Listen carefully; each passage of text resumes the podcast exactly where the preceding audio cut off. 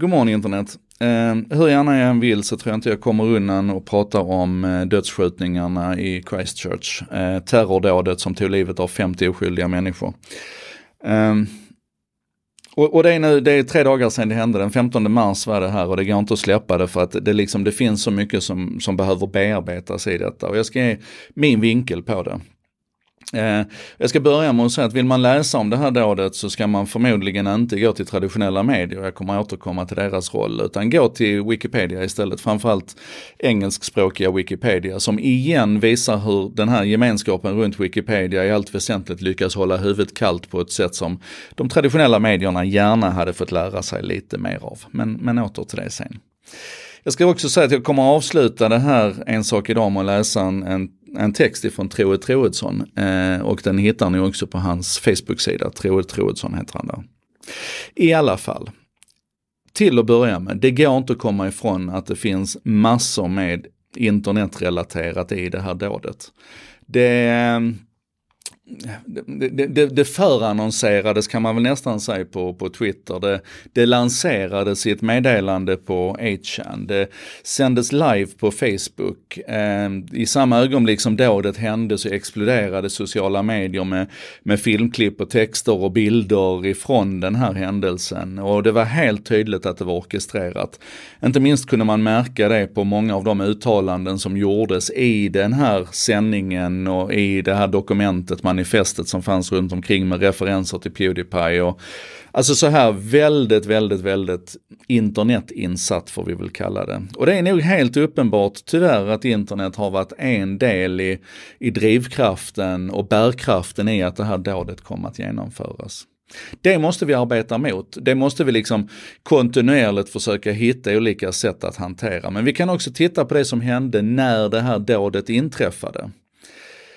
Facebook plockade ner en och en halv miljon videos det första dygnet. Youtube stoppade en uppladdning i sekunden av videomaterial runt det här dådet.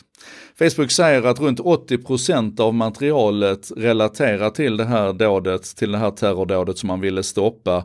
Det, det runt 80% hittade man redan utan, alltså redan i själva uppladdningsskedet och kunde därför plocka bort.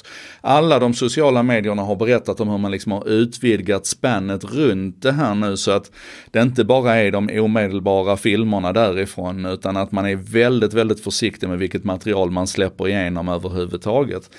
Och det är naturligtvis för att vi just nu behöver hämta andan lite grann. Vi behöver liksom låta den här, den här händelsen bearbetas.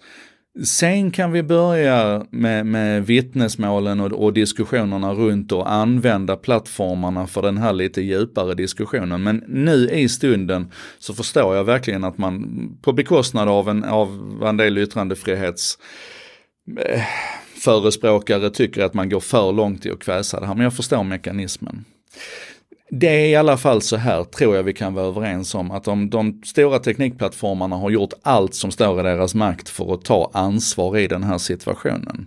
Och det tycker jag inte vi ska glömma.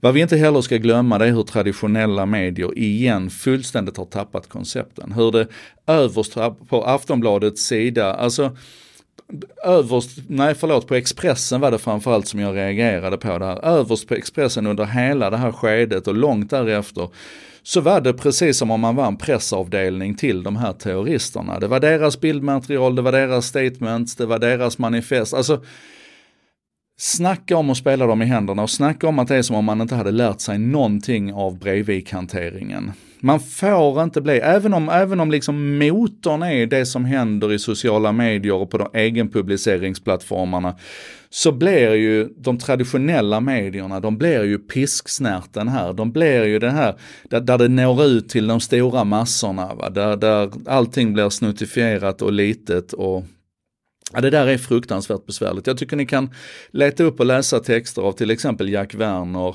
och, och lyssna på kommande medierna i P1 som säkert kommer ta upp den här diskussionen runt hur medierna blev ett redskap för, för eh, terroristerna.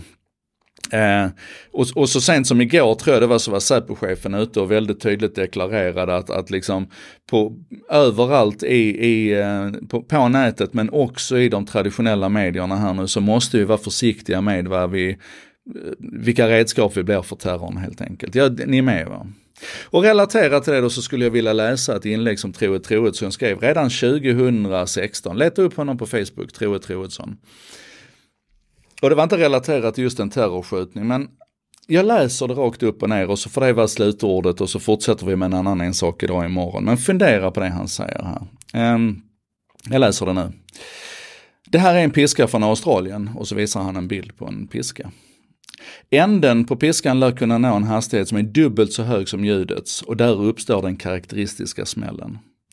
För att förstå hur det kan hända, när handen som håller i piskan inte alls är så snabb, så måste man titta på piskans utformning. Den är tjock och därmed tung och trög i ena änden och lätt och smal i den andra.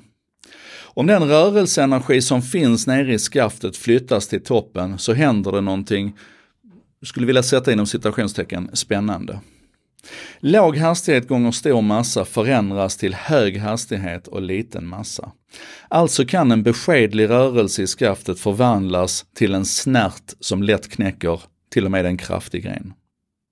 Så tänker jag mig att man kan förstå huliganism, skatteflykt i Panama eller eldande av flyktingmottagningar. Väldigt många av oss är delar av det beskedliga handtaget. Vi skapar stor rörelseenergi när vi skanderar på fotbollsläktaren, när vi fifflar lite med reseavdragen eller när vi ordnar protestmöten mot flyktingboendet på skolan. Vi är extremt lågaggressiva, men väldigt många. Den rörelseenergin transporteras till piskans topp, till de få som är lättrörliga. Och där blir exakt samma energi till en överljudsbang. Det är en lite jobbig tankemodell eftersom den ju innebär att många människor lite aktivitet kan transporteras till få människor gånger massor av aktivitet. Oavsett om aktiviteten är positiv eller negativ så sker den här transporten och just därför så tror jag att den är nyttig, den här tankemodellen. Och jag tycker nog att det finns anledning att fundera över vilket piskskaft jag tillhör. Särskilt om jag blir upprörd över snärten i den smala änden.